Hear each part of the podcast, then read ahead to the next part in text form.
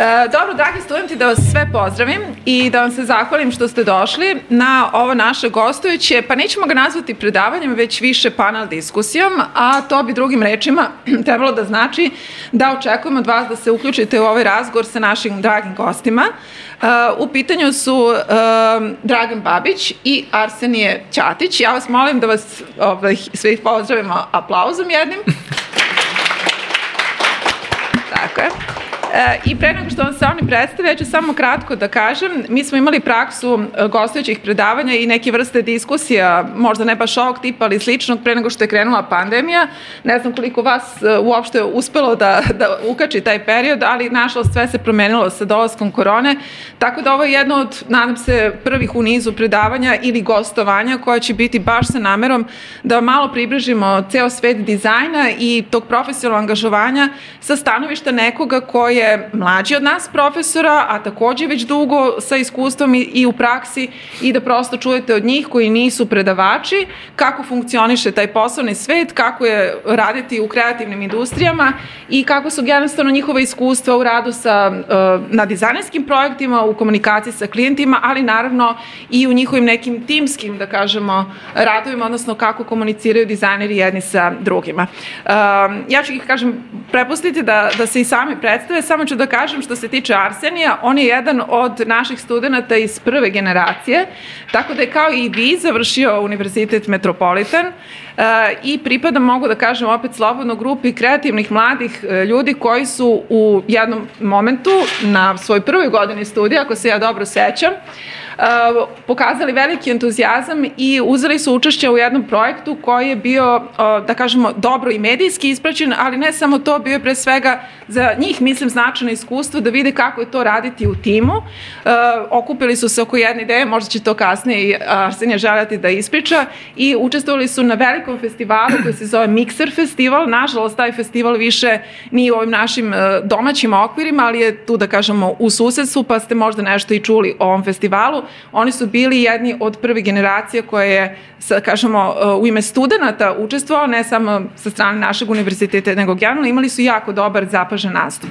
Od tada Arsen je od jednog onako vrlo povučenog i tihog uh, studenta izrastao u dizajnera koji sada ove, dosta i se bavi menadžerskim poslom, uh, koji ima i svoje naravno prednosti i nedostatke, tako da to je ono što mogu ukratko da vam kažem, ja ga često kad ga predstavim zovem Zlatim Arsenom, pretpostavljam da mu to ne odgovara, ali zato što prosto mislim da sam i sa njim i sa celom tom grupom kreativnih, dragih ljudi koji su te godine zajedno sa njim, kažem, krenuli da učestvuju u tom projektu, pa se to i nastavilo tokom godina studija, ostvarila jednu posebno čini mi se vrstu komunikacije, da smo postali međuvremeno i prijatelji i da prosto imam zadovoljstvo da mogu da pratim kroz sve prethodne godine kako su oni sazrevali kao dizajneri, kao ljudi i da imamo i taj jedan vrlo, čini mi se, kvalitetan i privatni, a ne samo uh, poslovni odnos. Eto, tako da Uh, neću više da, da zadržavam ni vas, ni njih, prepustit ću im da se predstave i vas ću naravno zamoliti, pošto su oni tu da bi svoje iskustva prenali danas s vama sa stanovišta nekog ko nije ovaj, mnogo stariji od vas, toliko koliko smo možda mi profesori,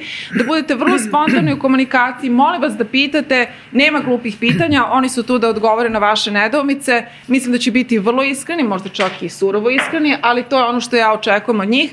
Ne želim da predstavljamo ovo zanimanje kao nešto što je elitistički i što je savršeno, već da prosto vidite i benefite, ali i verovatno loše strane, makar iz njihovog iskustva.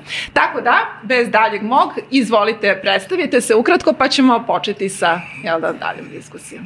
Hvala puno na, na intro. Hvala. Izvinite, Dragane, o vama ništa nisam mogla ličnije, ne, jer, ne, ne, da, naravno, sada naravno. smo se ovaj, upoznali. Meni je malo frka, pošto je ovo baš bilo profi. Jeste, veoma je profi, da. Ovaj, Mnogo više profi nego što su da, mi navikli. Sa, sad ćemo malo da se, ovaj, da se opustimo, ja mislim. Da, opustite se, opustite se, to očekujemo. A, pa, ajde prvo da kažemo zašto snimamo.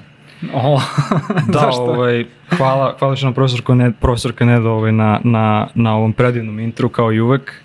A, nama je velika čast eto, i zadovoljstvo da danas budemo na Metropolitan univerzitetu ovde i ovaj, studenti dobrodošli u Zalet podcast. Ovaj, iako ovo sad ne deluje kao podcast, mi snijemo tako da će ovaj, neko, neko nas da um, da sluša, tako da... Ovo je prva, prva epizoda ovog formata. Ovaj, ne znam u stvari da li je neko od vas slušao već naš podcast. Klasičan je format u pitanju.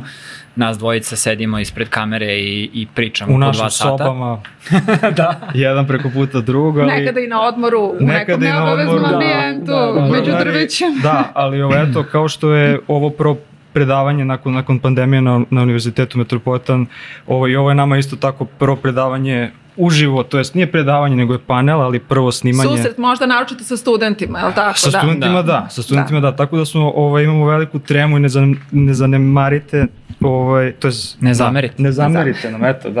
Ali Kad nemojte kad da zanemarite da imaju tremu, Da, pa da, pomoznite da. im da nemaju tremu, je li Ovaj, tako? tako da, eto, da, ovaj, nema glupih pitanja, tu smo da, da odgovorimo šta god danas se da nas čujete, pošto ne možemo baš puno da, da vičemo, o, čujemo se pozadi, super, hvala. Ovaj, tako da, eto, da, ako neko bude bio slobodan da dođe ovdje i da postavi pitanje u ovu vruću stoličicu, a, slobodan je, ako ne, mi ćemo da ponovimo pitanje, tako da samo podignite ruku i pitajte i to. Da, stolica je tu i taj prilazak samo zato što mikrofoni hvataju vrlo usko, Da. pa da, da se čuje na snimku. Inače, A ovaj, vruće je da. zato što ja puštam struju, tako da prosto da znate, da vas malo motivišem da postavljate pitanje. Šalim se na... I sad mislim da možemo da se predstavimo, ali tako? Da, izvolite, da, molim vas. Ajde. Tako je, ajde, ja sam Dragan Babić iz Novog Sada, uh, Arsenija znam pa jedno 70 godina. Možemo da ispričamo kako smo se upoznali, to je jako, jako možda zanimljivo studentima. Da, da. Ajde Ok. samo ukratko da, da kao preletim preko mene tebe, pa. Ovaj, pa možemo tu priču da ispričamo. Uh, Novi Sad, uh, ja inače se bavim dizajnom iz jedne drugačije, iz drugačijeg ugla o- od Arsenija. Ja uh, sam osnivač agencije Super 8, uh, agencije za dizajn di- digitalnih proizvoda, Uh, dok Arsenije je više baš u proizvodu kao in-house. Uh, dakle, radi u, u softverskoj kući, jesi to tako kaže? Softverska kuća, firma. Firma. Firma, preduzeće. Softverska, da, da, preduzeće. da. Ovo, A, o, neću ništa više da pričam, Ok. nek pita neko koga interesuje, A, ono kao agencija. Ne, još jednom Arsenije Ćatić, moj broj indeksa je 411 bio. ovaj, da, bavim se dizajnom, eto, od fakulteta i ovaj, da, uglavnom dizajnom proizvoda, tako da i tipografiju volim, tipografijom se ne bavim samo kao hobijem, ali ovaj, To ne kaže sada zbog mene, verujte. ne, zaista skupljam fontove, imam, imam dosta fontova, ako nekome trebaju fontovi, imam Fetišariš. Da, imam 15-20 gigabajta, to mi je ovaj, kupujem, sve su kupljeni, čisto da ne ide kao da se bavim Koliko, preterim. koliko dugo ti računaš da se baviš dizajnom? Pa ne znam, 10 godina. Ne znam. Da. Mislim, nakon fakulteta sam odmah dobio posao, tako da to je, pokušao sam da stvorim neke svoje prilike ovaj, nekim svojim startupima, a, to je nekako propalo jer kao nismo znali šta radimo, ali otvorilo nam je vrata da neke firme vide i da kažu, e, kao pa ovi klinci nešto se tu cimaju, nešto rade i kao, hajde da ih zaposlimo i da im damo platu, tako da, ovaj, To je zapravo Da. odličan um, način da, da, da te neko primeti ili da napraviš neko telo materijala, ne, neku, ne, neku količinu materijala koju možeš da pokažeš, uh, jer mislim svi znamo da je najteže ubedljivo da nađeš prvi posao. Barem ja tako mislim. Jel tako? Jesi da, i kad smo kod prvog posla, kad smo kod prvog posla, ovaj Dragan je, eto šta, dve, kad si ti osnovao agenciju? 2007. Ne. 2008. vidim ja negde na Twitteru, ovaj, ili 2009. čak je već bilo, ne znam, vidim ja na Twitteru kao, u, kao ovo je super neka agencija, kao neka dva kulika iz Novog Sada, kao vidi, oblače se super, onako imaju neki potpuno drugačiji pristup dizajnu, nisu kao nešto korporativni ovo ono, i kada je to bilo, 2009. 10. Deveta, ja mislim. Da, tako, napravio oni oglas ovaj, za posao i kao, e, zapošljamo prvog dizajnera sa strane. Bukvalno prva, prvo zaposlenje u našoj agenciji, pošto dva radna mesta koje su postojala smo bili Petar i ja koji smo osnovali agenciju. Dakle, zapošljavamo prvu osobu u životu. I ja sad sad ću ovaj kao, kao neko ko je bio pun samopouzdanja mislio sam to je to, oni, njih dvojica samo mene čekaju, znači ovo je pozicija za mene, ja toliko to želim, kao pratim ih na Twitteru, tamo se nešto dopisujemo, znam, kao znamo se, Da. sve to i uzmem ja sklepam neki, neki ovaj, kao sajtić portfolio. Naravno uzmem sve studentske vežbe koje sam imao, neke dve, tri koje su bile kao pristojne i uzmem, dođem kod profesorke Nede i kažem, jel možete da mi napišete preporuku? I profesorka ne da, kao, Arsen je super student, ne znam, eto, kao sve radi kako treba, ovo, ono, i onda sam, tad je još profesor Peđa. Dobro, malo, malo lepše zvuče, on nije baš ti. Jeste, jeste, ja sad, ja sad malo parafrazim, zato što se ne sjećam, da, da. ali bilo, bilo je veoma, da, bilo, dobro, baš bilo onako pre, preporučljivo je bilo, pa bilo da. veoma fino. I, I profesor Peđa, koji je ovaj predak Nikolić, koji nije više, ne predaje ovde, ovaj, isto i on napisao, on isto mi je nešto napisao. Ja kao sve to sklepam na jedan sajt i pošaljem i kažem kao ok, držim fige sad da to, da to prođe. Ovaj, sad ne znam sad kako je to sa tvoje strane ovaj, bilo. Pa ti kako god pričaš tu priču, ispada, ispadam ja bad guy. A, a za, meni, meni tada jesi bio veoma, ono, kao, mislim... Bad. Oh, stigli se neke. Veoma sam te mrzeo, da. da. Pa da, ne, uh, uvek to ovaj, pokušavam da istaknem. Uh, jedini razlog zašto Arseni nije dobio posao i zato što mi nismo bili u stanju da uh, zaposlimo nekoga ko, kome je to prvi posao.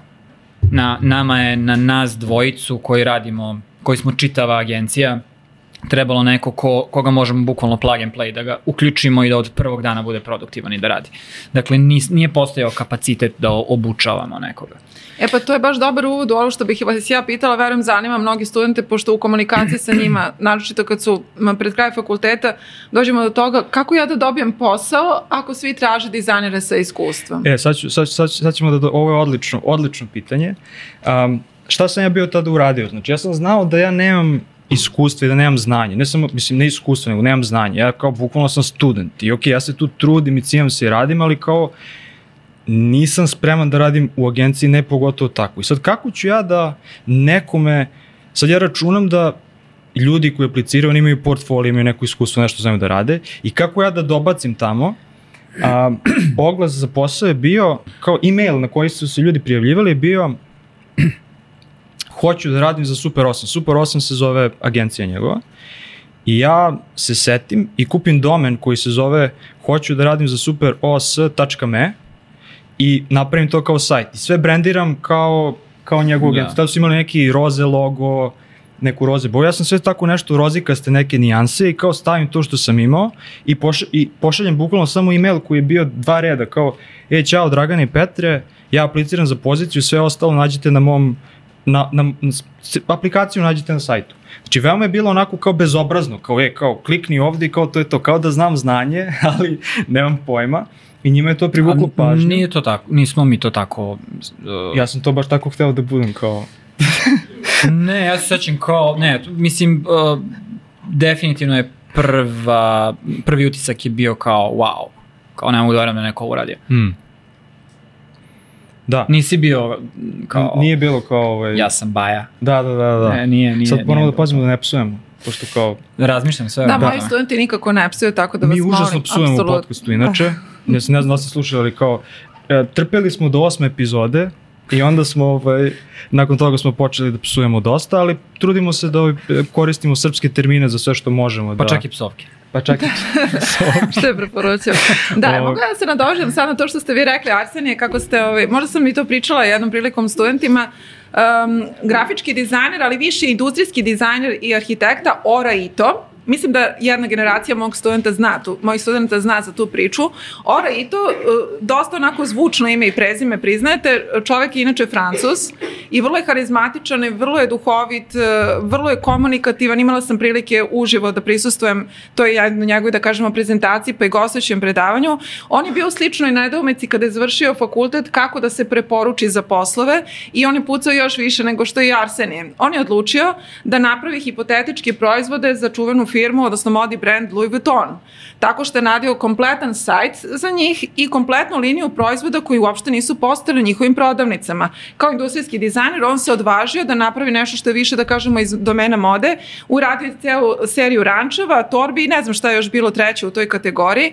I onda se prosto desilo, verovatno je mudro umeo na Google da nametne svoj sajt među prvima kad se pretražuje ključna reč Louis Vuitton, da su ljudi dolazili u sam butik pomenutog brenda i tražili su proizvod proizvode koji ne postoje, a koje on reklamirao na svom sajtu, koja je bila posledica svega toga, opet ćemo reći prilično hrabro, bezobrazno, a možda čak i sklono nekim uh, zakonskim konsekvencama to, to, to. u njegovom slučaju. Uh, kako se nadalje priča razvijela, oni su prosto bili oduševljeni kako je moguće da je neko do te mere bio posvećen da je napravio takav uh, dizajn proizvoda koji izgledaju zaista kao da su realizovani. To su bile 3D makete koji su izgledali kao fotografisani realizovani proizvodi i to je bio njegov prvi angažman posle fakulteta. Ljudi odmah raditi za tako veliko ime, što god vi mislili o jednom modnom brendu tog kalibra ili ne, činje da, se da su veliki igrač na tržištu i to je bio njegov način da se probije ovaj, e, eto, prosto neka slična priča koju je ispričao i Arsenije, možda u malo manje ambicioznim okvirima, ali takođe, jel da, napraviti, ako nemate svoj portfolio dovoljno bogat i raznolik,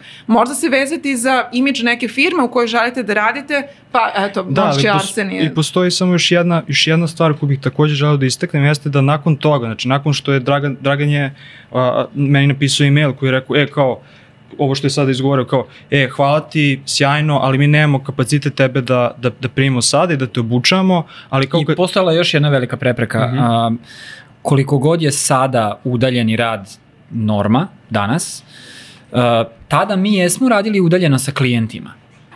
Ali nama je to nekako mentalno daleko bilo da, da radimo tako posvećeno i, i intenzivno sa nekim ko nam nije u kancelariji tu.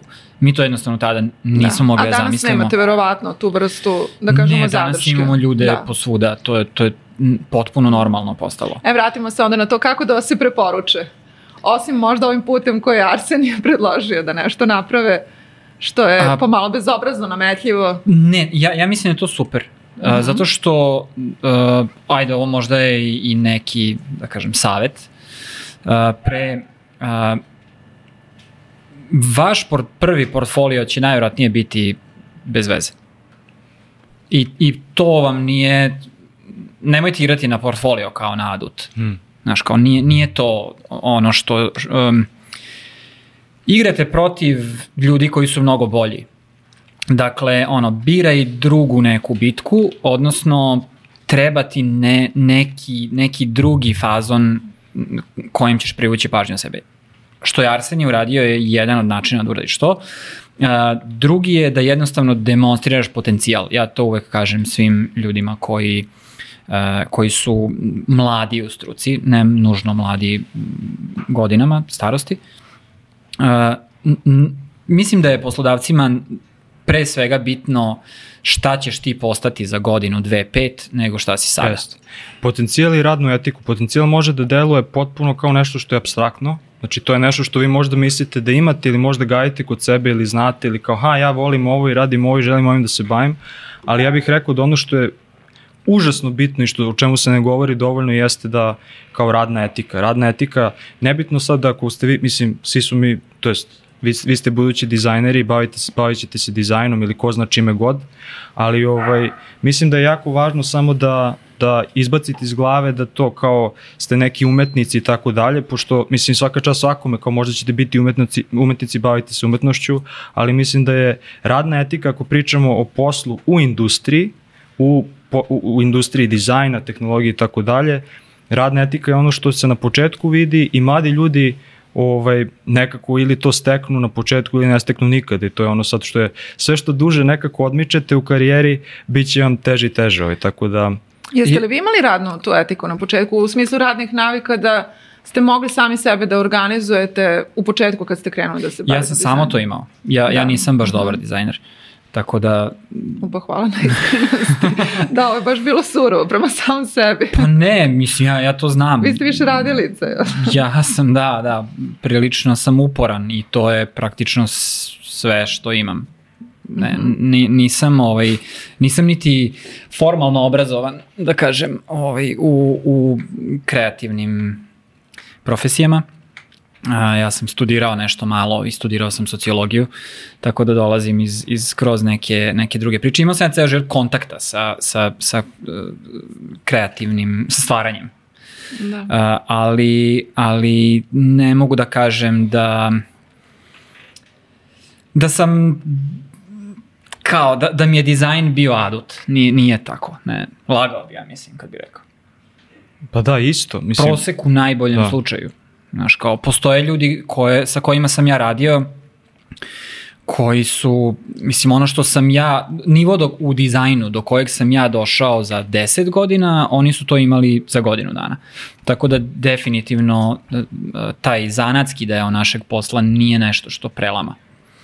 Um, jesi ti hteo nešto da kažeš? Pa ne, hteo sam da kažem da slažem se, mislim, isto, isto ja osjećam isto tako. Ovaj, I vi ćete imati te prepreke da li da budem specijalista ili generalista i kako budete kroz studije išli, a, otkrivat ćete različite stvari koje dotiču dizajnu u ovoj ili onoj meri i zanimaće vas različite stvari i prirodno ćete gravitirati ka nekim malim nišama i želećete da budete specijalisti u tome. E sad, neki ljudi, kao što su neki moje kolege sa fakulteta, su se usko specijalizovali za nešto što može biti, ne znam, 3D modeling ili 3D animacija ili samo neki još, još podnivoj nekih svih tih. Ja sam uvek lutao i sve kako vidim, aha 3D, aha tipografija, na narednih šest meseci se bavim samo tipografijom, ali nikad nisam, na primjer, došao do tog nivoa da mogu sam da dizajniram neki font.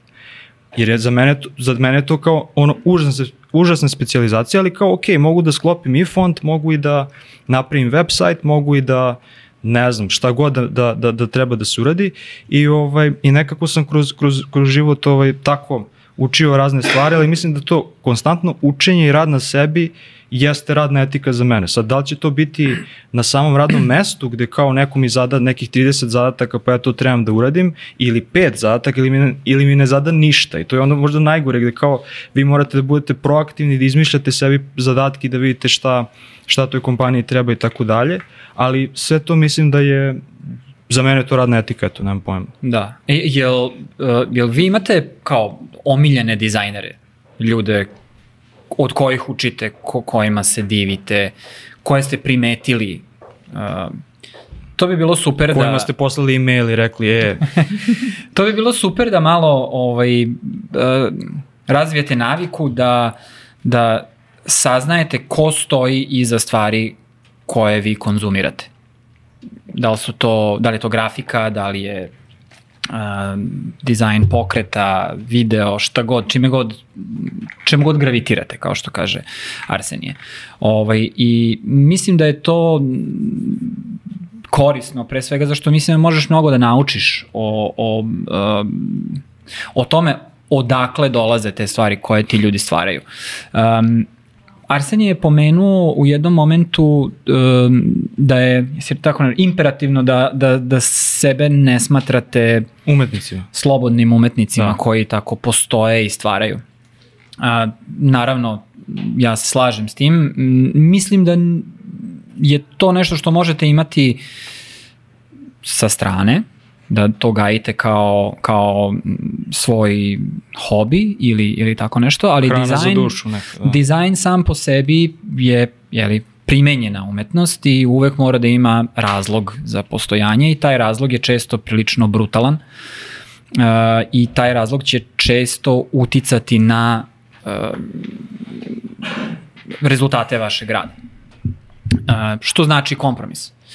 Uh, i, I to je još jedna strana vaše profesionalne ličnosti koju ćete morati da razvijate, a to je adaptacija na jeli, izazove posla. Uh, ja volim da razmišljam o, kad pričamo kao karijeri i, i um, izgradnju, izgradnji jedne, uh, jednog profesionalca, uh, odnosno profesionalke, je da tim, svi imamo kapacitet neki. I sada, na nama je da uh, izvagamo i, i skontamo gde ćemo da ulažemo naše vreme i gde ćemo da se pojačavamo, a gde ćemo svesno da, da spustimo loptu i da kažemo ok, ovo me ne interesuje. Ne možemo svi biti i najvredniji dizajneri i najbolji uh, ilustratori i uh, da znamo da uh, jako dobro uh, radimo motion design i product design i to, ne, ne možemo. Imamo kapacitet i jednostavno um, mo, mora da postoji ja bih rekao da je to imperativno, da postoji jako dobar balans između hard skills i soft skills. Dakle, hard skills, specializacija ili generalizacija na kraju krajeva uh, samog zanata i soft skills, odnosno sve ono što se dešava u poslu, što ti moraš da uradiš, uh, što nije vezano konkretno za zanat, ali je vezano za opstanak na tržištu rada.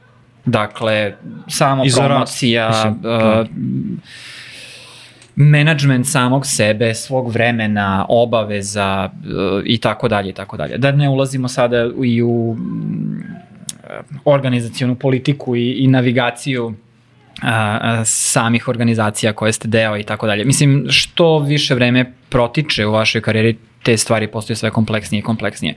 Ali na, na samom početku vašeg profesionalnog razvoja, vi ste bukvalno na samom početku, možda čak i niste još ni došli do, do toga da se zaposlite, um, najverovatnije niste. Naravno, najbitnije je da akcent stavite na zanat. da, da postanete što bolji dizajneri u ovom momentu. Ali vrlo brzo ćete um, da kažem, vrlo brzo će doći još jedna varijabla u tu jednačinu a, koja će načiniti da imate manje vremena za zanat i morat ćete da se bavite nekim drugim stvarima. Lupam na poslu, ti misliš da ćeš otići na posao i da radiš 8 sati na nečemu, a ti zapravo imaš 4 sata da radiš na nečemu i to je tvoj zapravo pun dan posla, jer odlazi vreme na sastanke, na komunikaciju, na administraciju i piti boga šta. Tako da sve to onda postaje malkice složenije nego što bi vas fakultet uh, naterao da mislite.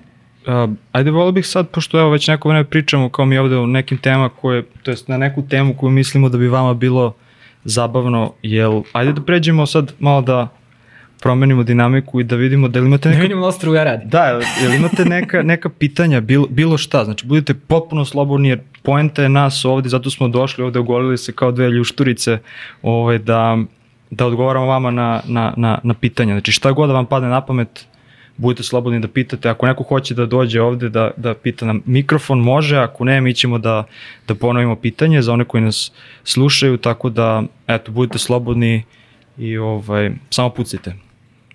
Pričali ste sada, da ne ostajem profesor ovaj. Ne, ne, ne, Slobodno, slobodno, ako, ako želiš profesor kad će. Da bolje. Čujete se vi bez toga. ja sam i ovaj, glasan uglavnom, tako da za kameru. Ovaj, Kako se zoveš? Filip. Ovaj, pričali ste malo pre kao, kako novi dizajner dobija posao. Ovaj, hteo bih malo da čujem kako sad agencija dobija klijenta. Znači, da li se internet oglašavate, da li ono to, neki ono mouth to mouth, samo eto to. A, pa, ja mislim da načina za to ima koliko ima agencija. Ali a, ja mislim da definitivno postoje agencije koje se oglašavaju, znači koriste plaćenu reklamu za, za to. Uh, mnogo češće iz mog iskustva da, da posao dolazi uh, putem preporuke, Dakle, uradiš jedan dobar posao, on ti da. potencijalno donese drugi ili uradiš pet dobrih poslova, oni donese, donesu šesti. Uh, I naravno postoji ta neka pasivna reprezentacija gde ti, um, ti agencija, uh, pokušavaš da sebe predstaviš na adekvatniji način, da kad neko nabasa na tebe, da, da ovaj, istrigiruješ taj neki uh, odziv kao, e, volao bi da radim s ovim likovima. Znaš. Ali, ali najčešće uh, je, je preporuka u pitanju zato što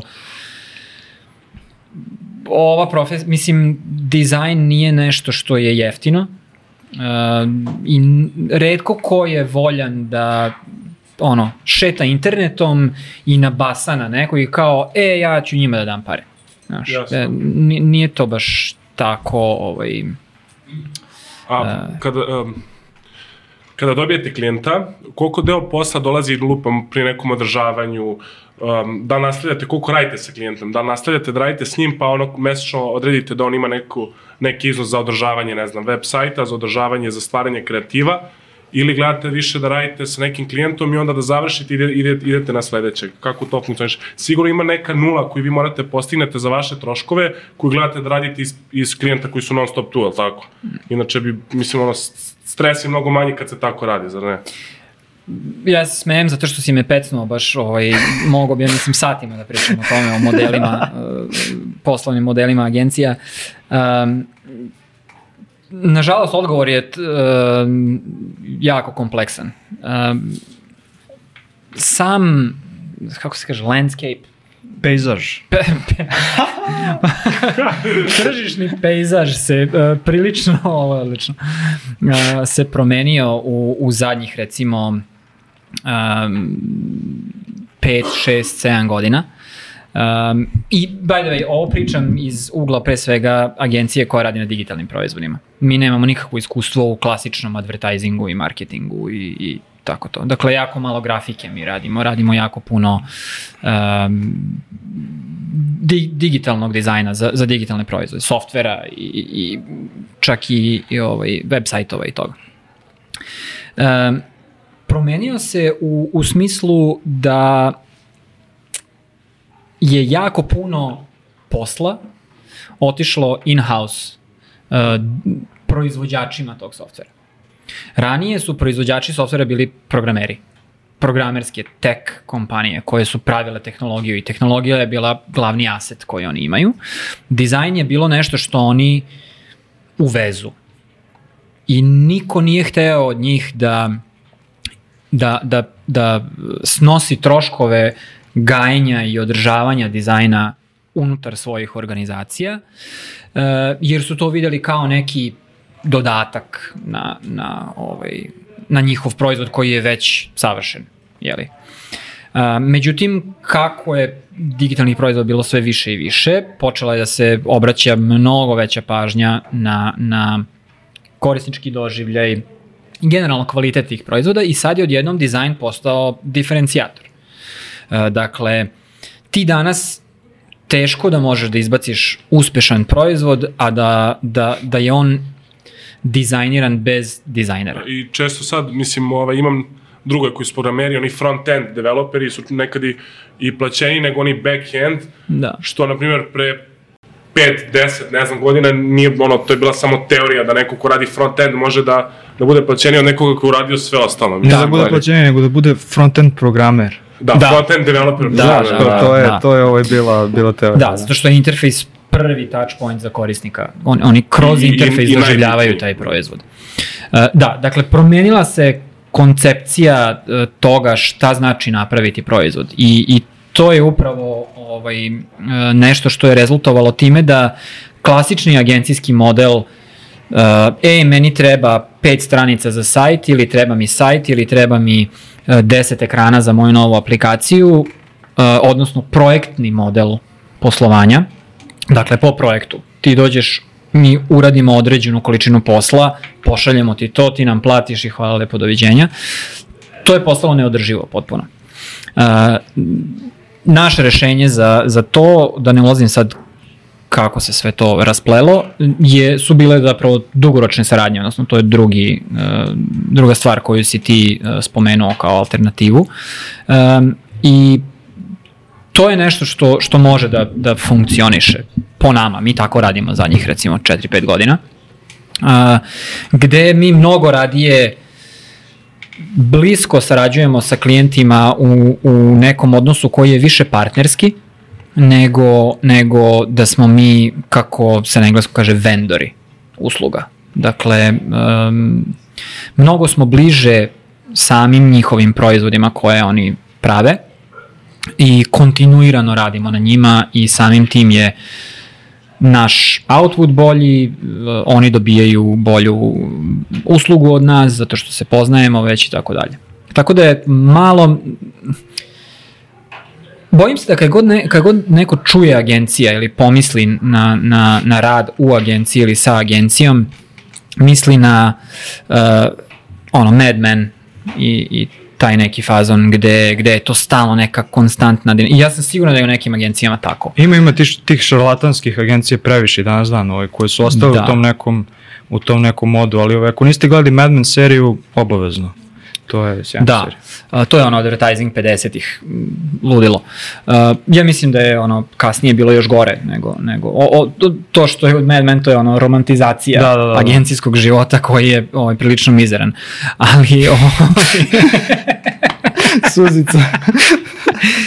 Uh, ali uh, hoću ja kažem mo, alternativni model, model ili sad već možda jedini model uh, saradnje sa klijentima kroz, kroz dugoročna partnerstva je daleko održiviji lifestyle nego grindovanje od projekta do projekta svakih nedelju, dve ili mesec dana.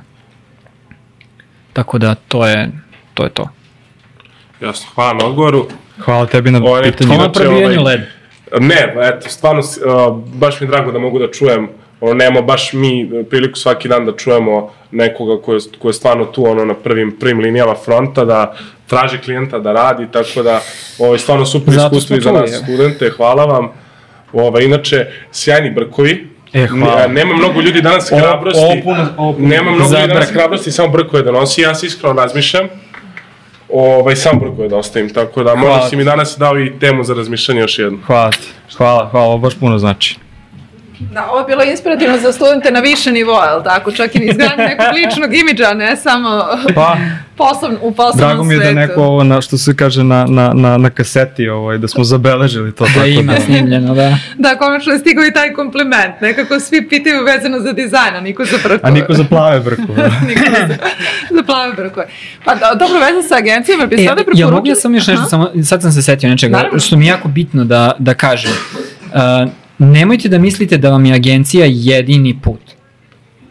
Danas se dizajn uh, traži i, i primenljiv je mnogo šire.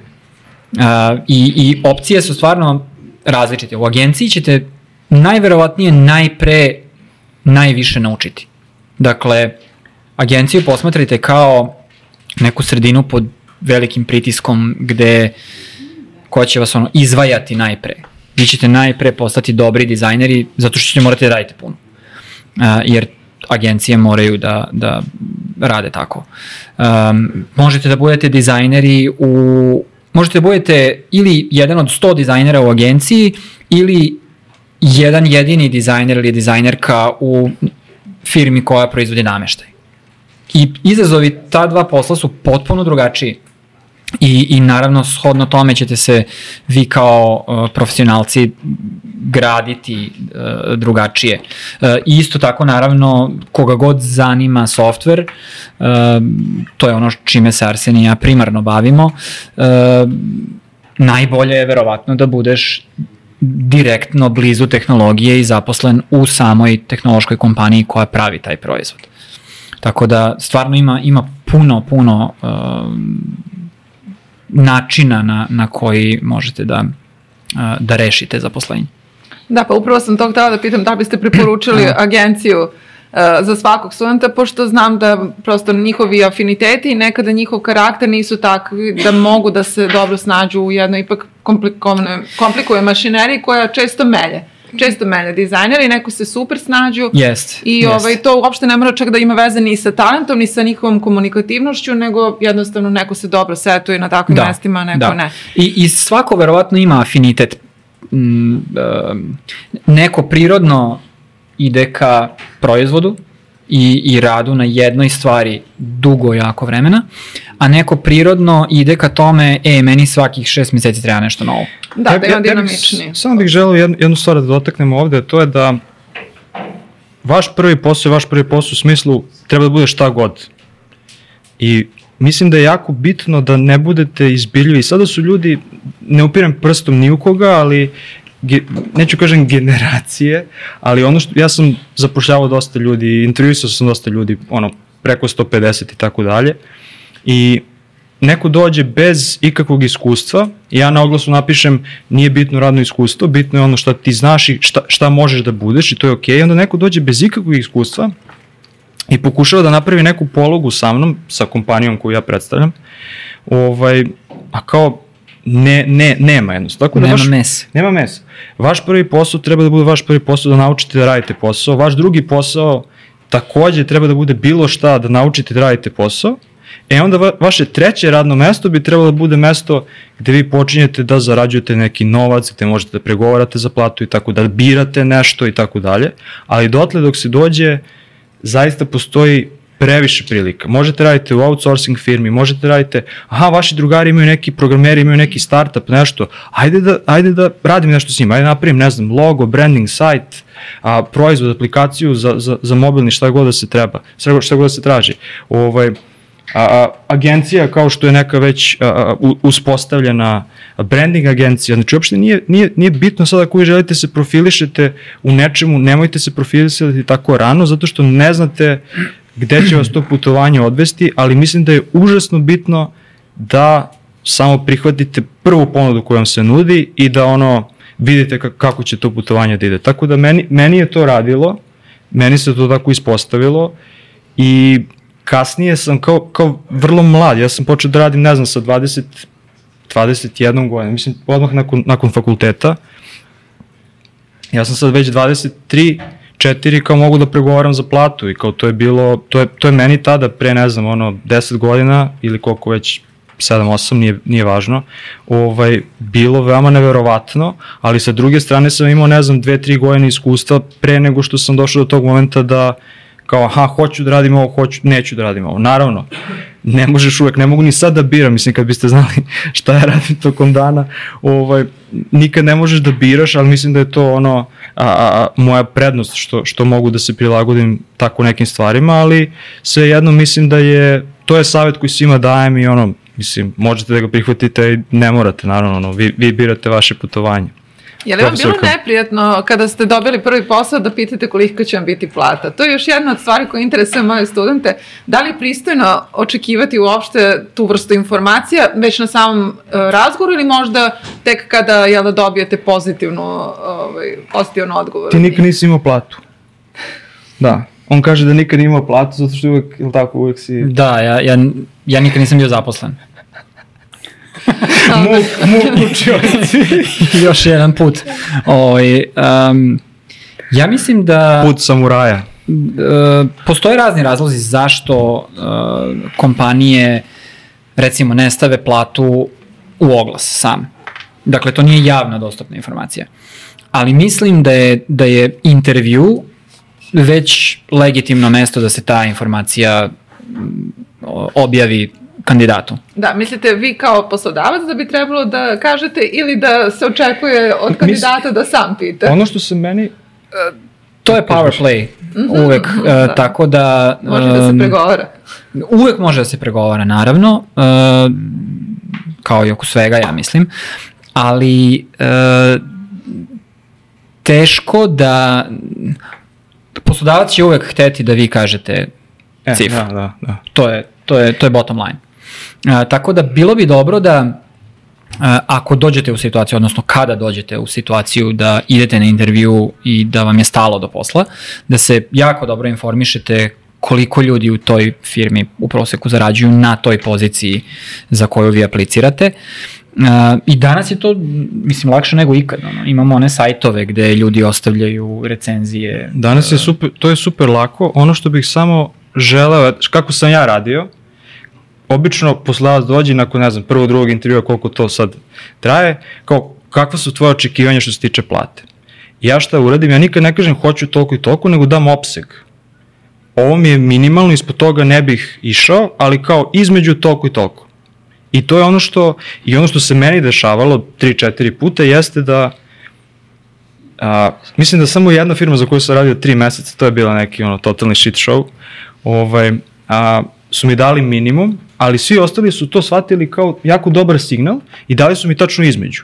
Gde oni, ok, a, kako ja to razumijem? Ja to razumijem da meni neko, ono, ispoštovao me, dao mi je malo više, ne znam, 50 evra više, cool, strava, i daju priliku da, da rastem i da idem, da napredujem dalje, da to će biti, ne znam, neka povišica za godinu dana ili tako nešto. Tako da, eto, to je moj savet što se tiče, ovaj, da, da kažem, pregovaranja ili kao kad vas neko pita kolika plata i šta.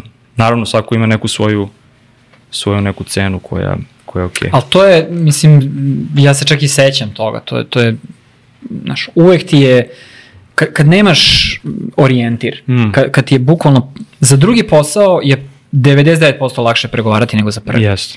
Dakle, jer na, na drugom poslu ti već imaš taj anchor point prve plate.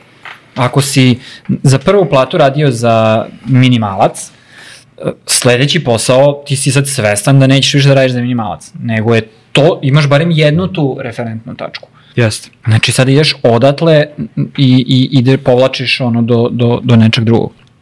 Tako da um, te, teško je odrediti to, zato kažem informišeš se koliko god možeš da, da saznaš koliko ljudi u toj kompaniji uh, u proseku zarađuju, pitaj ljude, iznenadili, biste koliko ljudi je spremno da pomogne ako ih neko pita.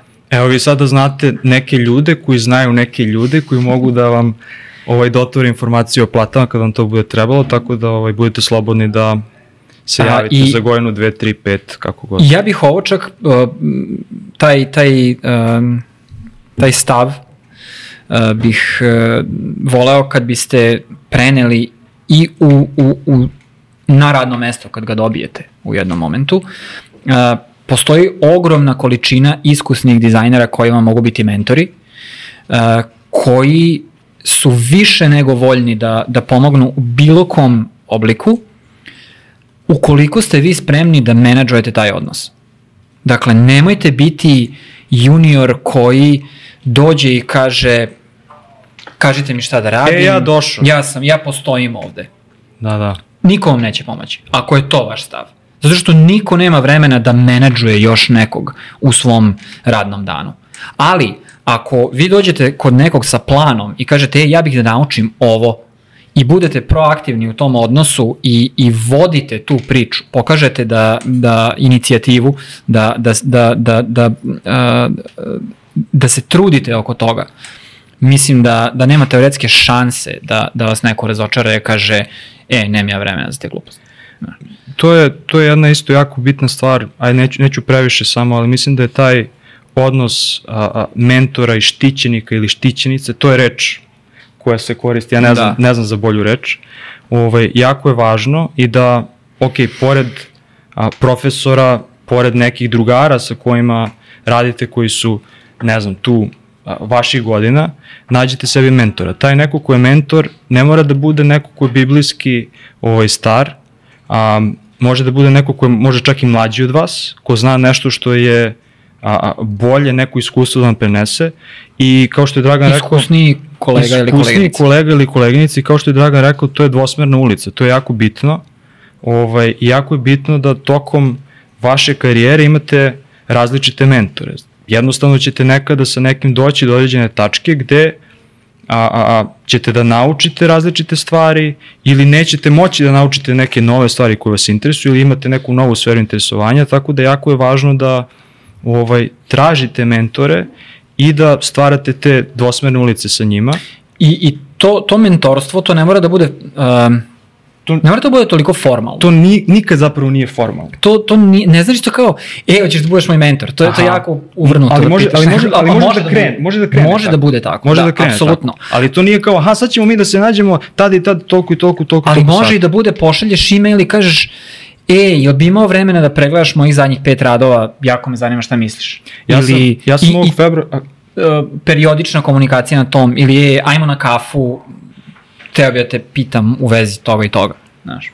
Ja sam ovog februara, ovaj, pozdrav za Nikolu, a, ovaj, poslao e-mail nekom liku iz, iz kao vidio sam njegov neki post na LinkedInu, kao ne znam ko je čovek, gledam da li radi u Italiji, gde radi, šta god, i poslao mi e-mail i kao, e, ja sam taj i taj, volio bi da se upoznamo, to je to. Čovjek mi ne odgovara uopšte. Šest meseci kasnije, to je bilo sad skoro, ne znam, recimo u, u avgustu, u septembru, ovaj, ja mu opet pišem kao, e, ako mi nisi odgovorio cool, ja bih želeo samo da se ovaj, upoznamo. I on me kao zove me i kao, od tada imam kao novog mentora koji se bavi nekim stvarima koje ono u životu nisam ni sanjao da, da će neko da zna time se bavi, a čovjek živi ono na 5 km, mislim živi u Beogradu ovde kao. Tako da ni, ono, nikad ne znate gde je sledeća šansa i nikad nije niti rano niti kasno da da imate, da imate mentore.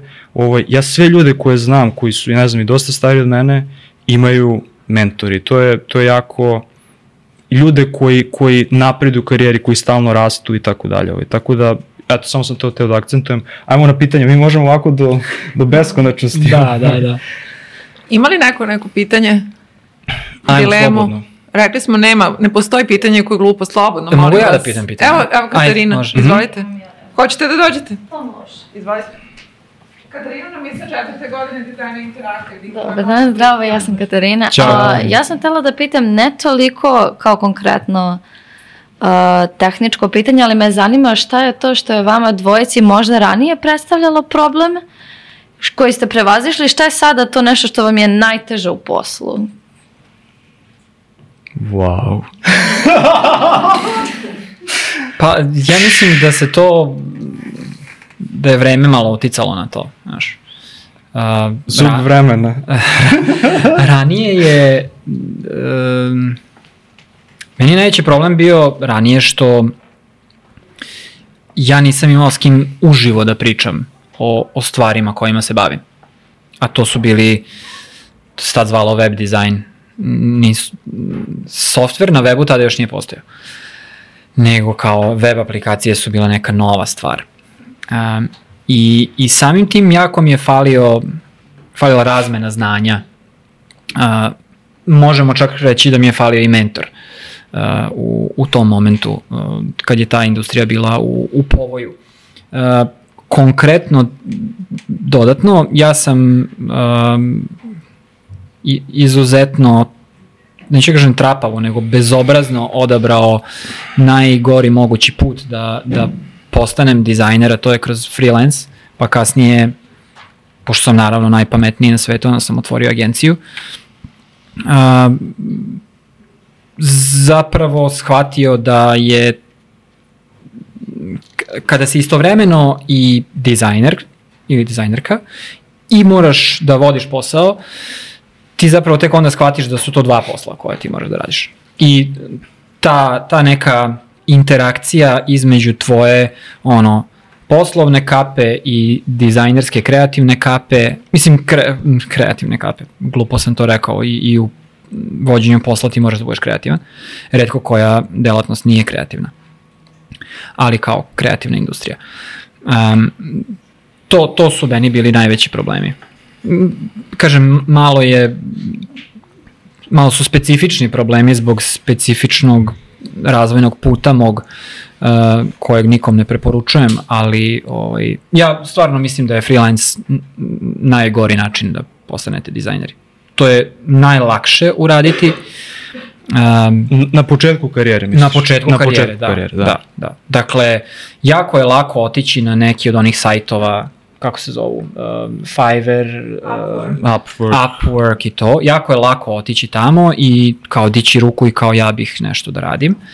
Um, vi, ćete naučiti puno tamo, ali ćete naučiti to na najteži mogući način, odnosno bez mentora. Mnogo pametnije uloženo vreme je da se zaposlite negde gde postoje ljudi koje možete da pitate pitanja. Jer ako se vi zaposlite preko Upworka da uh, projekat je da napravite logo, vi taj logo morate sami da napravite. Jer ne, nemate koga da pitate za taj logo. Vi, vi ste sami. A ako se zaposlite, lupam, u agenciji i projekat vam je da napravite logo, vi imate minimum jednu osobu iznad sebe koja će otprilike da vas vodi kroz proces dizajna tog logo.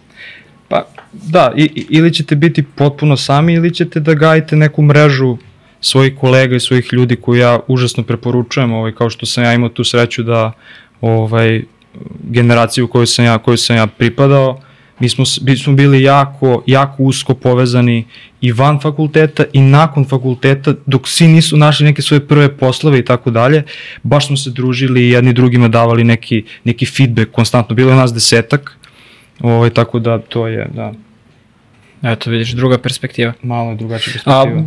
dobro, da, ja sam čak i, i, i nije to jedini razlog zašto sam ja ovaj, malo protiv freelansa. Uh, freelance sa sobom nosi od samog starta dodatne aktivnosti koje vi morate da radite, morate da ulažete ne malu količinu vremena u ugovaranje tih poslova, nalaženje tih poslova, samo promociju, održavanje portfolija, što je konstantno, to, to se ne radi ono jednom godišnje, pa ovaj, tako da teže, de facto je teže. Ovaj, Ali je, ali je najniži barrier to entry. Ja sam imao baš sad dosta vremena ovaj, da, da razmišljam, tvoje pitanje je užasno kompleksno. Znači, meni na početku karijere bilo jako teško da spoznam šta su kvaliteti dizajnera u tehnologiji, pošto se ja uvek, u, uvek sam radio u tehnološkim kompanijama i kako ja mogu da budem koristan zapravo tu i kako neko od mojih kolega može da se osloni na mene, što, ni, što je sve što nije kako ću ja da sednem, tada je bio Photoshop, ovaj, i da napravim neki interfejs. To znam da radim, kao, mislim da znam, učim, ali sve ostale stvari koje kao, aha, šta se desi sa tim mockupom nakon što ja nekome predam? Da li ja to trebam da istestiram? Da li trebam da proverim 500 puta da je to sve okej?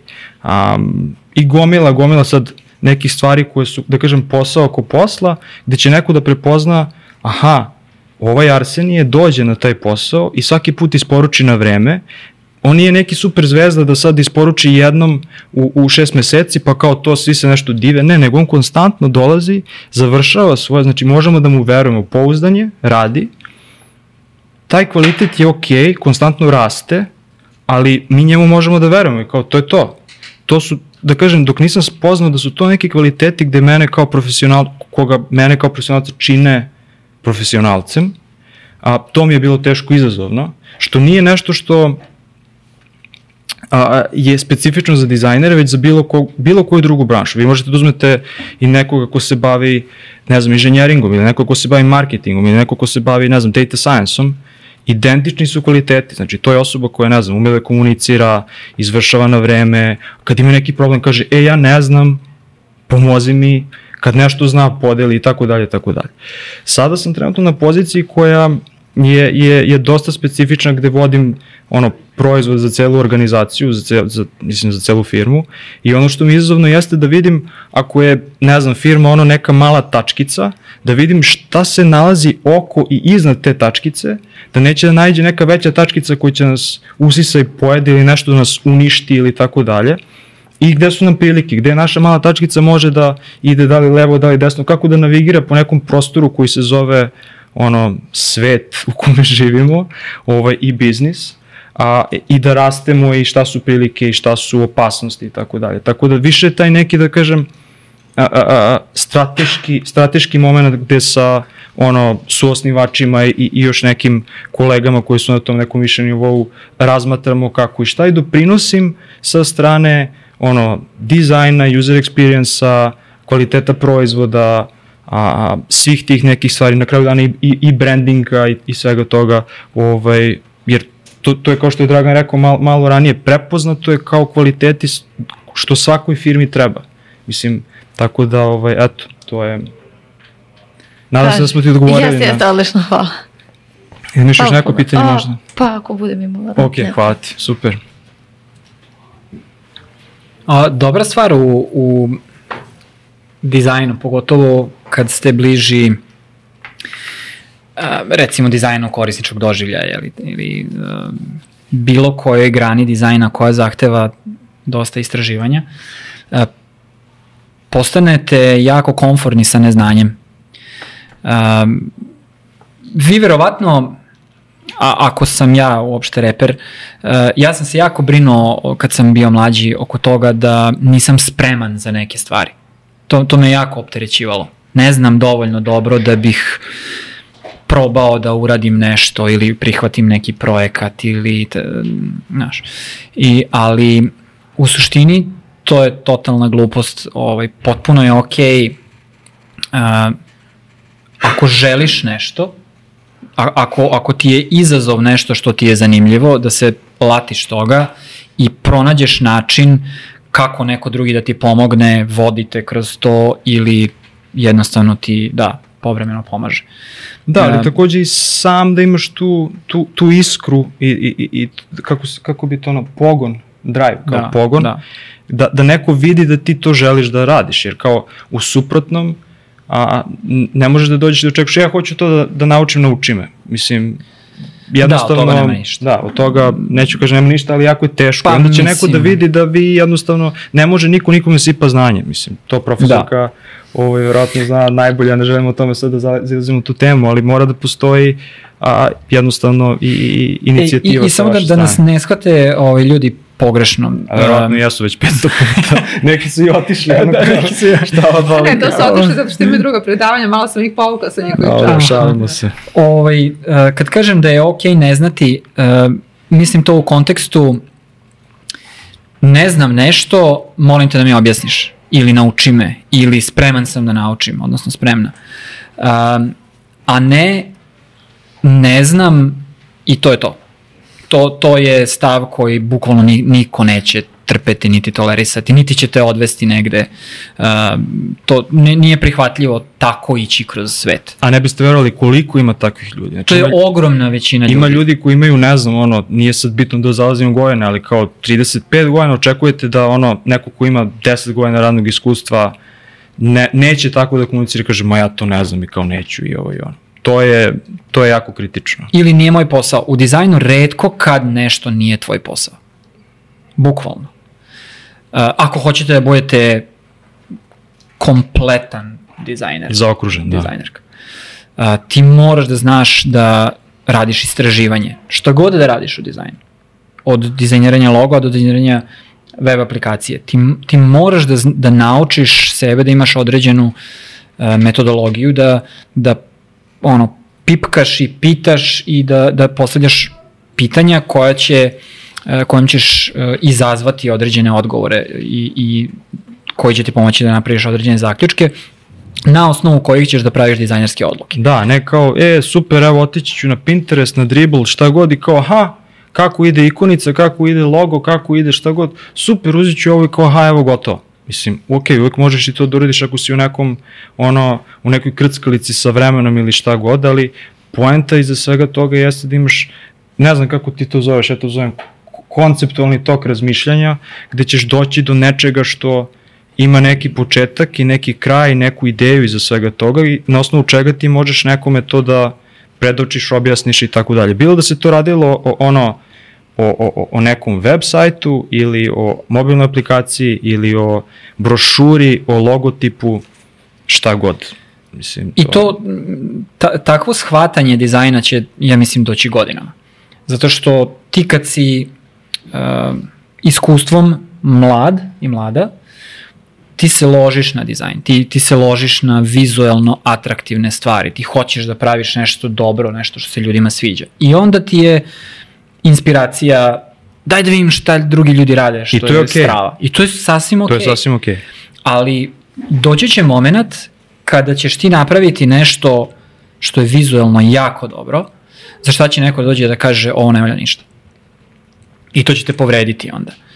I onda ćeš naučiti da naučit ćeš da si pogrešio. Tako je. Uh, a pogrešio si zato što tom, to, toj svojoj kreaciji, to, to, tom rezultatu tvog rada uh, nisi ugradila poentu. Odnosno, ta kreacija ne dolazi iz pravog mesta. Lupam. Ne rešava problem na ne, kraju. ne rešava problem. S- sve, sve, sve rešava, sve odgovara na neki, na neki problem. Znači, logotip ima neki svoj posao koji treba da odradi. Šta je posao tog logotipa i šta je problem koji taj logotip rešava, to je to. Znači, neće isti logotip raditi, ne znam, za, a, za prodavnicu nameštaja ili za kamionsku kompaniju.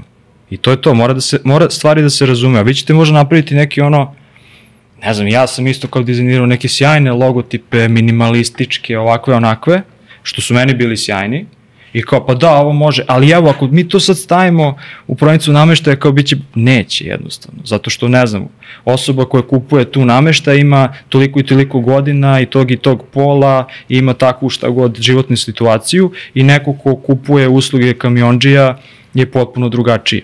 Tako da to je, to je nešto što... To mi- je, to je dosta teško uraditi tako rano, odupreti se želji da napraviš nešto što je recimo trenutno popularno i Jest, trendu. jest. To je, to je jako teško, zašto si ti se, ali znaš, kao ti govoriš klijentu, kao ti ne kapiraš, ja sam u ovom fazonu sad, ovo se ovako radi danas, kao, a ti mi pokazuješ da mi hoćeš nešto potpuno drugačije.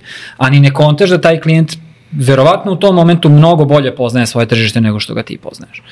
I, i zapravo ima smisla da, da ti traži nešto tako konkretno. Upravo ono što ja često studentima kažem, ne žele svi da izgledaju skupo. Neko baš mora da izgleda spram toga kakav proizvod ili uslugu nudi, tako da ne možemo oblačiti sve ljude u luksuz ili minimalizam i nešto što je trend, ako oni moraju imati već u startu te vizualne komunikacije, nešto što će da bude okidač za njihovu cijelnu grupu. Možete da ih uplašite i da ih odbijete time što ste ih previše ulepšali. Evo, da tako evo mogu, da, mogu, da dam, mogu da dam ovaj konkretan primjer. Znači, a, prošla kompanija u, u kojoj sam radio je radila nešto u, u, u, u sferi a, bioteka i onda u jednom trenutku smo mi razmišljali o rebrandingu i kao, aha, kome mi prodajemo? Mi prodajemo laboratorijama i tako dalje naše usluge I onda kao smo došli do nekog brandinga koji izgledao kao dosta skup, onako dosta korporativan i ono što je, kako se kaže, CEO, izvršni, izvršni direktor, je rekao, e kao, sve to super, ali mi želimo da budemo pristupačni. U smislu,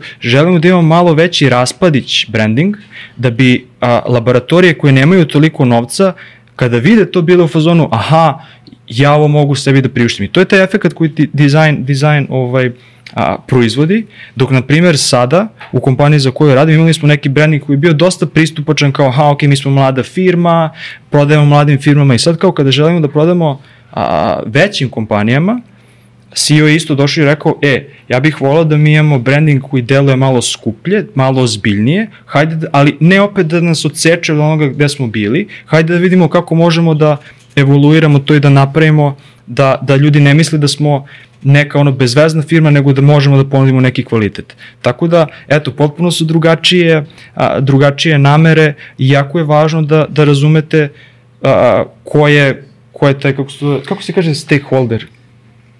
Uf, nije ni važno. Ne Taj neki, ta, ta, ta neka osoba koja, koja, ovaj, donosi odluke. Koja donosi odluke, da. Tako da. A, da, dakle, uvek vaš rad treba da odgovara određenim izazovima, odnosno da ispunjava određeni zadatak. Uh, vi ste sada pričali o, o mm, ajde da kažem, nastupu i senzibilitetima i, i tako dalje. Uh, isto tako često postoje praktični izazovi za, za vaš rad. Uh, recimo, tipografija je jako dobar uh, primer za to gde ako trenutni trend fontovi sa ink trepovima koje viđemo svuda i bez razloga. Dakle, jednostavno, uh, artefakt dizajna uh, za jednu vrlo specifičnu stvar, a to je ink trap, ako znate šta je, uh, to je onaj, oni useci u, u formama slova uh, koji omogućavaju da se mastilo kad se štampa razlije i popuni ih jer je fizički proces štampe takav. Uh, taj, taj artefakt je sada ušao i postao estetika. Jer čitav svet ide u krug. I sad su našli neki vrlo uticajni dizajneri i odlučili su da se to njima estetski dopada i to je sada postalo trend i sada to viđate i u štampi i na ekranima, gde oni nemaju apsolutno nikakvu poentu, ali su estetski takvi. Ali recimo, ne znam, postoje poseb, posebni um, tipovi Kako mi prevodimo font? Ja, kažemo font? Pa font, da, koristimo font, typeface. pa bi trebalo pismo da se kaže. Pismo, da. Kao pismo bi bilo Pismo je typeface, da. jeste. Font je, je font je nešto drugo. Tipografska familija u stvari da, bi bilo. Da. da. Postoje posebne, uh, posebna pisma za, ne znam, uh, upotrebu na saobraćenim znacima. Tako je, koje su izuzetno čitljiva iz daljine. I ako, tu nema eksperimenta. Ne ako se da udubite, se prenaglašeni su oni oblici da se slučajno ne ovaj, da se razlikuju uh, Da, zato što neko ima slova. 3 sekunde da razume šta tu piše i to je to. Da, i to mislim da smo baš nedavno pričali na, na čarsovima iz pisma, ne možete mnogo da eksperimentišete, pa sam studentima preporučila ako budu skoro išli na Beogradski aerodrom da obrate pažnju kako je urađena navigacija u prostoru, ono je skandalozno. Mm. Ovaj font koji sam po sebi može da bude i trendovski i zanimljiv, ali neupotrebljiv, u prostoru da. koji podrazumeva da vi vrlo brzo i jako često kasnite i ne možete da zastanete, da razmišljate da li je to slovo A, E ili možda O ili ko zna koje druge jer su sva gotovo iz istog oblika da. izvučena. Da. Da. To je prosto kad se možda nema toliko iskustva o tome čemu je namenjen neki prostor koji ćete vi da, jel da, svojim, svojim Da. ide, vizualnim idejnim rešenjem da prosto obeležite, odnosno da pomož, pomognete ljudima da I to je isto ono, mislim, vraćamo se sada na ono, ne možete segment, biti slobodni jel da? umetnici u dizajnu. A jesu li Postoje- klijenti uvek u pravu kad pričate o toj slobodi? Uh, o- oni su u pravu dokle god mi ne naučimo te stvari bolje od njih. To je zanimljivo. Da. Uh, često ćete biti na projektima gde nećete imati budžet za istraživanje. I onda se oslanjate na ekspertizu klijenta da izvučete ono što oni znaju i upotrebite to u svom radu. Um, ali iz, iz mog iskustva i mislim mog agencijskog iskustva, uh, ljudi koji donose odluke vrlo često jako dobro znaju uh, šta trebate da im dostavite, ali nemaju umeće da to urade sami uh, i ne znaju, ne, nemaju jezik da, da opišu šta hoće. I vaš zadatak je da, da, da saznate to, da izvučete to iz njih. Tako da, uh, onog momenta kada vi znate više od njih o tome kako njihova kompanija treba da izgleda u njihovoj industriji, tada tek vi možete da donosite punopravne dizajn odluke i da stojite iza njih i da kažete da, ovo će najvjerojatnije biti bolje. I, i um, to je odlično pitanje. Zato što je to nešto uh, š, sa čim se dizajneri jako krbaju. Pa da, ali i čak i posle mnogo, mnogo godina iskustva Jako budete jako negde povređeni tim da neko ne uvažava Jako vašu je ideju nezahvalno ili da, da- da se vraća na početak i tako dalje. Uložiš određeno vreme i napor u stvaranje nečega da bi došao neko ko nema pojma o tome šta, vi, Tako što, što ti radiš i kaže ti to nije to. Zašto? Pa ne znam zašto. Znači ne može čak ni da odbrani svoju odluku. Ali to je, to, to je vrlo specifična dinamika klijentskih usluga. Ti kao um,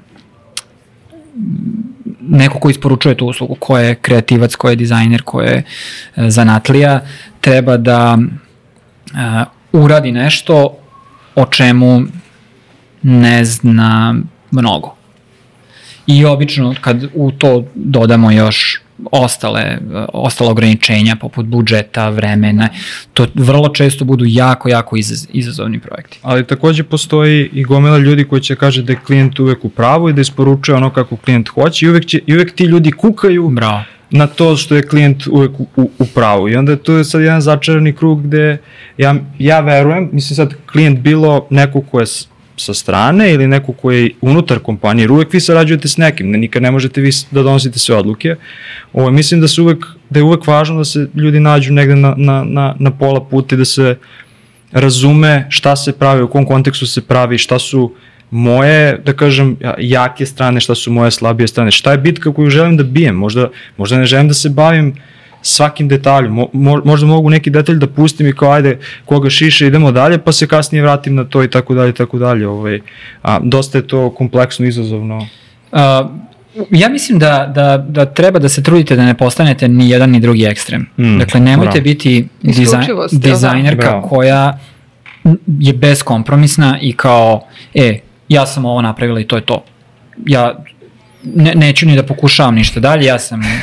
Ja sam radio Ja sam sa svoje nekim, rekla. neke kolege koji su ovde ovaj, bile, koje na svu sreću nemam više kontakt s njima, ovaj, koji su imali tako te ideje, a ovo su moje boje. I čovjek u svakom dizajnu koristi njegovu plavu i njegovu sivu i meni je to, meni je to tad bilo ludilo i kao, mislim, ono, ne znam, ne znam gde je završio i šta radi sada, nije ni važno. Ali to, to Ovaj, je možda OCD. Da, ali to, to, to je suludo. Mislim, takve stvari su ono suludo da, da se neko nabedi da kao sa svojih 20, ne znam, godina a, i, i, i, i studijama ono na trećoj godini kao ima svoju plavu i svoju sivu i, i sve radi u te, kao o, o, po ovome ću biti poznat, rekao, strava, ali deset godina kasnije kao, guess what, nije. A zamisli Ovaj, da postao poznat. da, Ali bi ispao glup. Ali dobro, da, ispao bi glup, mislim, to je sve cool. Ajmo, ajmo, ajmo još pitanja, profesorka. Ima li pitanja? Nemojte da se ustručavate, molim vas. Pa Da. da. Koliko vas je posao dizajnera možda otvorio, pošto eto, trenutno baš imamo tu malo zatvorenu atmosferu, odnosno studenti se ustručavaju, Uh, pošto ovaj, poznam dizajnera iz studentskih dana, iako jeste bio tada među tišima, nismo imali toliko, čini mi se, problem u komunikaciji i otvaranju, ali verujem da vas je tek posao naučio o tome koliko treba da budete otvoreni, ne u smislu da govorite sve iskreno, nego prosto da naučite da pitate i da ćutite, je li tako? Da, pa da, mislim, ja sam da, bio, ajde, možemo da kažemo tiši, ali posao jeste taj koji, koji, gde sam, kao, to su neki ljudi, to je neko okruženje, nema više a, profesora koji će biti, da kažem, ono, i strogi i nežni, i, kada, kada, kada je potreba i prilika za, za, za to. Ovo, ovaj, tako da, um, mislim da je da je ono što je važno ta, ta neka iskrenost, kao da se ne pretvarate da ste nešto što što niste i da sve što ne znate jednostavno kažete i kao to je to i pravi ljudi sa kojima radite će to da prepoznaju. Ljudi koji to budu krenuli da nekako zlopotrebljavaju, to nisu ljudi sa kojima želite da radite. To je ono bitno da, da, da, da prepoznate, ali vremenom nekako dobijete samopouzdanje i ovaj i konstantno tražite neke nove izazove, da kažem i u komunikaciji i tako da, na kraju dana smo ovde i radimo nešto što je meni veoma, ovaj, da kažem, strašno biti ovde pred vama, iako možda to ne deluje, ali da, a to su konstantan je neki put kako se kako se uči, kako se napreduje ovaj u tom nekom da kažem eto komunikaciji to ste pitali, da. Ja mislim da tu možda ima i i malo uh, da je to možda stvari našeg mentaliteta. Ja mislim da ljudi, mi kao sa ovih prostora, dosta teško podnosimo neuspeh. Ne neuspeh, nego da nismo u pravu, da, da mislim da, da, da nas znamo, malo, da. da nešto ne znamo, da nas malo to više pogađa, što je totalno bez veze. Ono. I što je Arsenije rekao, ako, ako neko iskoristi to što uh, vi nešto niste znali, umeli, pogrešili, pogrešili šta god to su ljudi sa kojima najverovatnije ne treba da imate ništa u životu.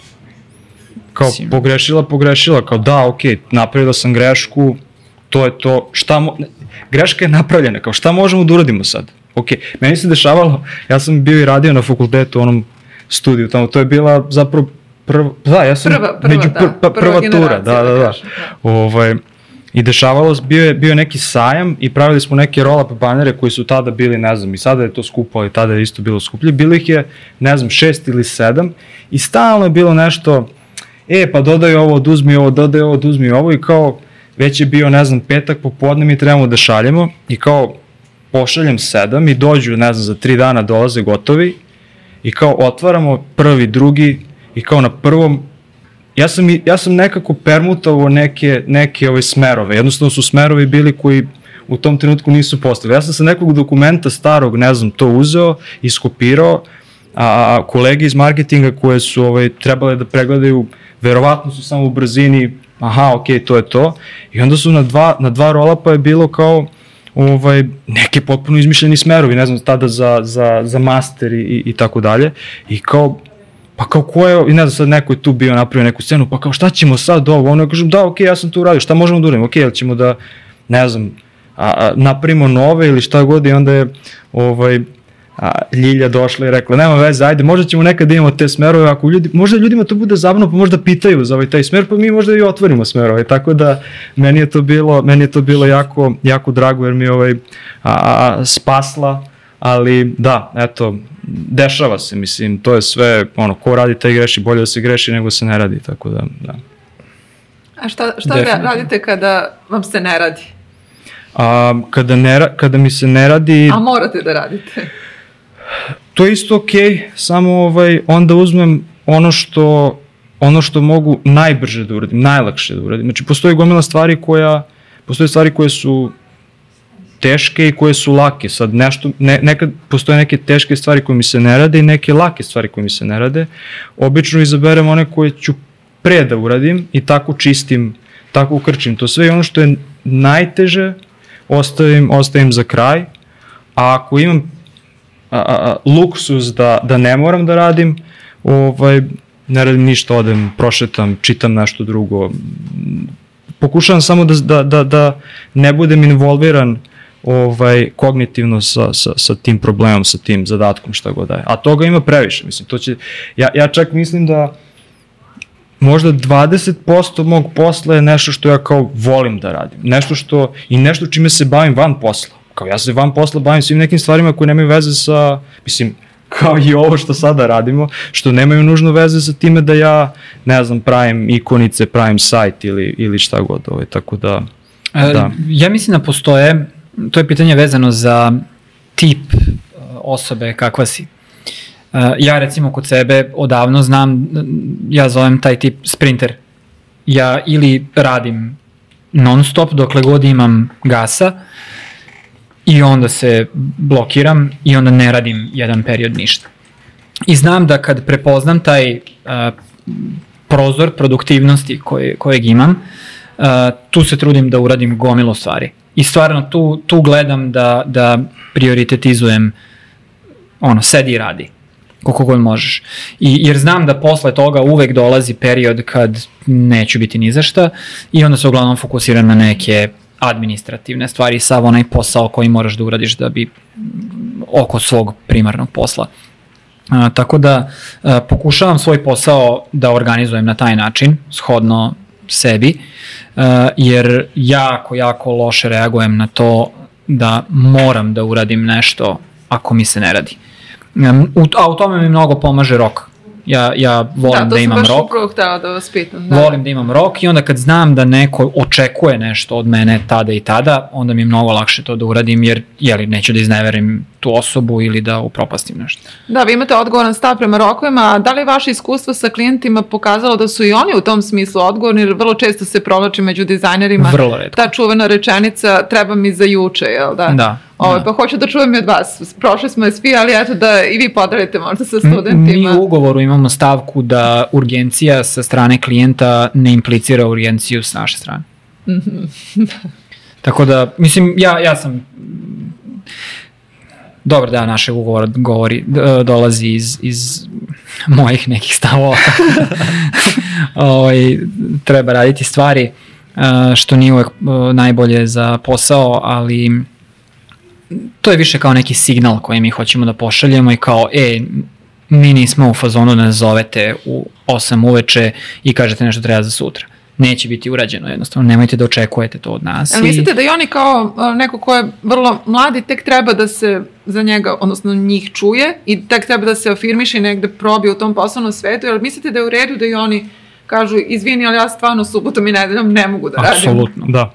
To je, ne, ne, um, Jedno je reći, uh, ja ne radim subotom i nedeljom i onda ne isporučiš u petak nešto što si rekao da ćeš isporučiti da, u petak. To je potpuno neprihvatljiva stvar ali je apsolutno za svaku pohvalu napraviti uh, stav oko, oko nečega kako vi zamišljate uh, vašu organizaciju na, na dugoročno održivom nivou i da kažete, ok, ja subota, nedelja ne proveravam e-mail, ne javljam se na telefon ili kad smo već kod načina komunikacije kako želite da primate zahteve, da li to mora da, i kako želite da komunicirate. Um, to je opet neka, da kažem, stvar podneblja. Ljudi ovde mnogo više pribegavaju uh, verbalnoj komunikaciji uh, i u, kad hoće da komuniciraju zahteve i da objašnjavaju i sve živo. Uh, mi recimo smo mnogo više naginjamo ka dokumentaciji. Mi, mi primarno um, komuniciramo e-mailom, uh, jer volimo da postoji trag, volimo taj asinhroni moment komunikacije. Dobro, to je kod nas uh, izraženo najpre zašto nam klijenti uglavnom preko, pa postoji vremenska razlika, uh, što zahteva potpuno drugi nivo organizacije i pristup tome, ali to su sve stvari koje su vaše da, da ih odredite i smislite. Ne, ne, neće vam niko, mislim, ako neko traži dizajnera koji je dostupan 24 sata na dan, budite sigurni da će iskoristiti to postoji razlog zašto neko hoće da ima nekog da okrene na telefonu u 10 uveče. A ti ljudi, nije to zašto su jako organizovani, nego zašto su neću da kažem. Ne. ovaj, ne, mislim, to ne rade normalni ljudi. Normalni ljudi imaju kontrolu impulsa i imaju, imaju da. sistem. Dobro, najbliže rečeno nepristojne. Ajde da, da kažemo tako. Da, da. da. Da. Dobro, mi smo... I ljudi vole na kraju krajeva da prenose urgencije na druge ljude. To je, to je jedan od načina menadžmenta odgovornosti. Z meni je najlakše da kažem, dizajner će to rešiti. A da, da kaže meni, e, ne znam, organizuj ovo, ovo, namontiraj, namontiraj da, da. epizodu i kao... Za ponedljak. Da, da, kao. Ovo, ovaj, mi se približamo sat i po vremena, tako da bi mogli polako da da. privodimo kraju. Hoćemo li da pitamo još jednom studente? Ako ima neko brzinsko pitanje koje može da stane u dva i po minuta, evo, tri. Evo mi moja menjakinja. Ne da hoćete da dođete ovde. Ajde, izvolite. Bravo.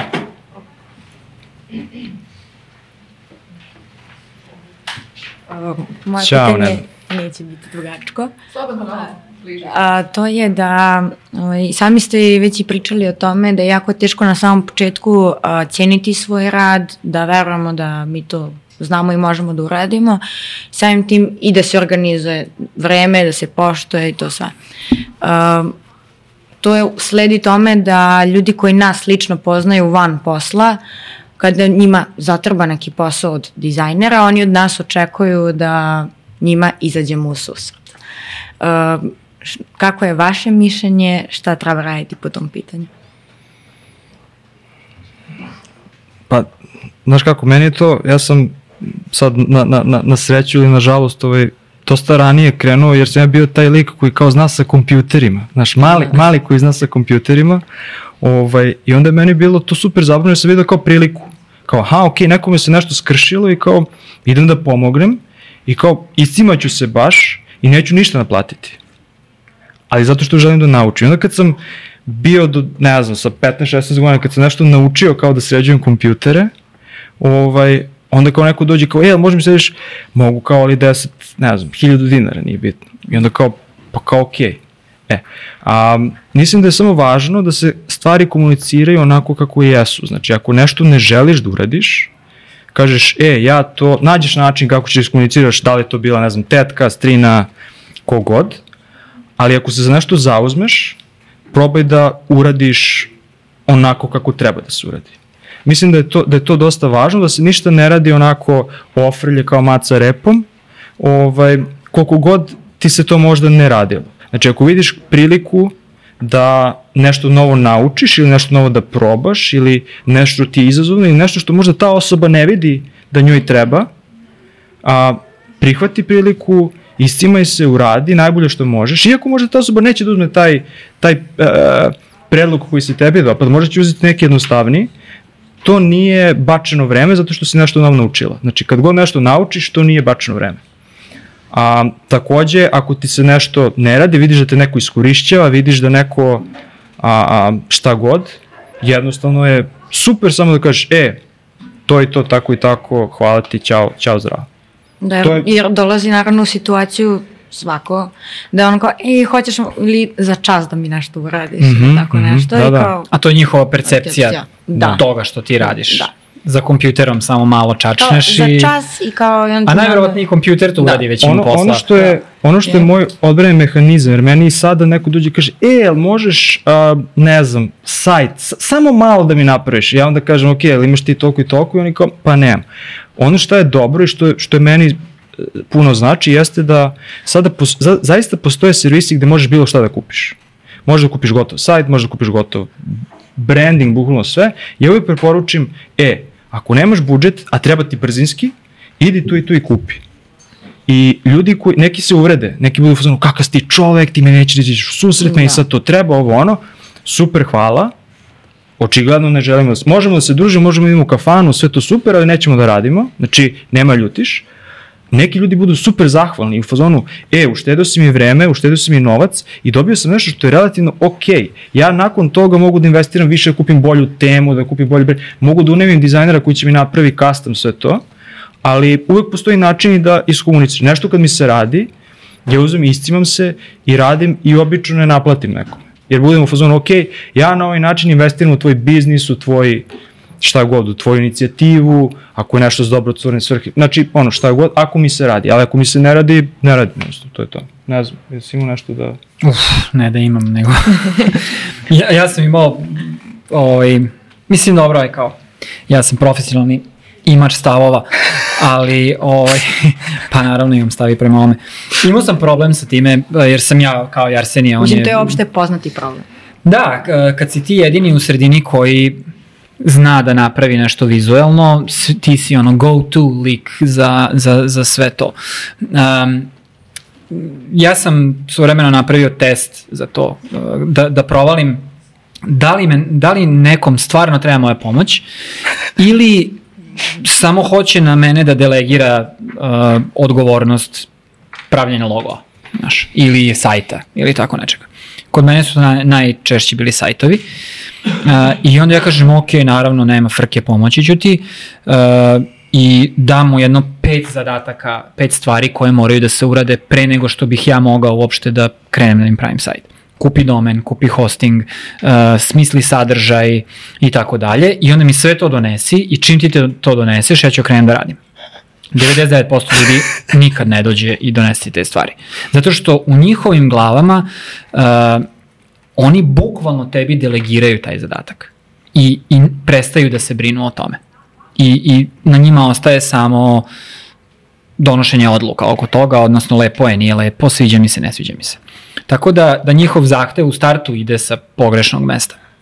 I ti onda tako uh, provališ uh, da li treba uopšte da se baviš time ili ne. Uh, ali sa druge strane, uh, jako volim da, da uh, pomognem nekome uh, najpre zato što volim da, da pravim pozitivne priče oko toga kako je dizajn pomogao nečijem biznisu. Jer mislim da je, da, da je dizajn stvarno diferencijator i, i ako ja mogu da ono pomerim tu iglicu nekom uh, sa, sa dizajnom, to je super i uvek prihvatim taj izazov. Ukoliko se uverim i odlučim da ovi ljudi su iskreni i stvarno im treba nešto oko čega ja mogu da im pomognem.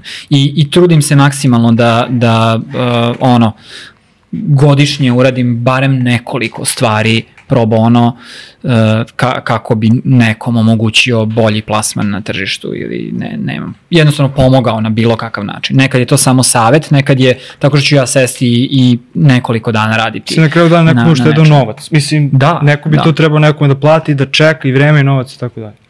Ali isto tako, sa druge strane, um, često ljudi to uh, rade iz manje časnih namera, znaš, kao hoće da uštede. Pa kao, znaš, ti to već znaš da radiš, što ti to meni ne bi uradila džabe, jer ja sad pokrećem biznis. Uh, mislim da, da uh, razmišljanje treba da ide totalno kontra. Ja tebe znam i ja tebi hoću da ostavim lovu za taj logo, nego nekom tamo sa interneta mislim ja barem da. tako razmišljam kad, kad uh, mi je potrebna usluga koju uh, obavlja neko koga poznajem. Ali da, to je, to, mogla bi da napraviš neki test za, za, za ovaj ljude kad ti traže to da, da se stvarno uveriš da im treba i, i jer često ljudi ono, znaš kao, maštaju o biznisu i onda kao, a kad bi imali, ne znam, logo, onda bi mi to malo bolje mogli da zamislimo, ali na kraju ne bude ništa od toga, a ti si, ne znam, mesec dana svog života dala na to i kao ništa. I, a imate još pet ljudi za istu stvar. Znaš. Redo, hvala. Hvala tebi. Dobro, narode, ovaj, privodimo, privodimo kraju ovu, ovu našu govoranciju. Um, hvala još jednom profesorki Nedi Hvala. Ovaj, hvala Univerzitetu Metropolitan, hvala svima vama ovaj, koji, ste, koji ste bili tu ovaj, za, da, da nas slušate i da postavite pitanja. Nadamo se da smo bili korisni da ste eto danas nešto novo naučili. A, ukoliko ste ukoliko vas ikada put nanese ili imate bilo kakve ideje, bilo kakve pitanja za nas u buduće, a, budite slobodni da nas nađete preko našeg sajta koji je zale.fun, f-u-n, ili a, na LinkedInu nas nađite, pošaljite nam e-mail kako god, Znači, ne znam, bilo to za nedelju dana ili za tri da, godine? Da, ako je ili... ovaj uh, razgovor ono, pokrenuo ne, neka razmišljanja, uh, da, dostupni smo za pitanja i, i u buduće. Ne, da, ne znači moramo... šta god da vas, da vas ovaj, zanima, nema glupih pitanja, ako hoćete da se nađemo, ne znam, da, da, da, da popijemo kafu, nešto ima tako uživo i to je, to je skoro ok, znači mi zaista želimo i ono što je nama poenta jeste da ono, budemo tu za, za mlade ljude, za budući profesionalce, ako možemo da pomognemo, tu smo, ako ne možemo da pomognemo, mi ćemo preporučiti, je idi kod ovog, idi kod ovog, pite ovog, pite onog, tako da nama je samo poenta da ono se, se, se dizajn razvije, da se o tome priča. I kao što su nama bili neki ljudi koji su nam ovaj, pomogli kada nama to trebalo, a, a želimo da to prenesemo dalje. Eto, to je to. Je to. Hvala još jednom. Hvala. Hvala vama puno. Ćao.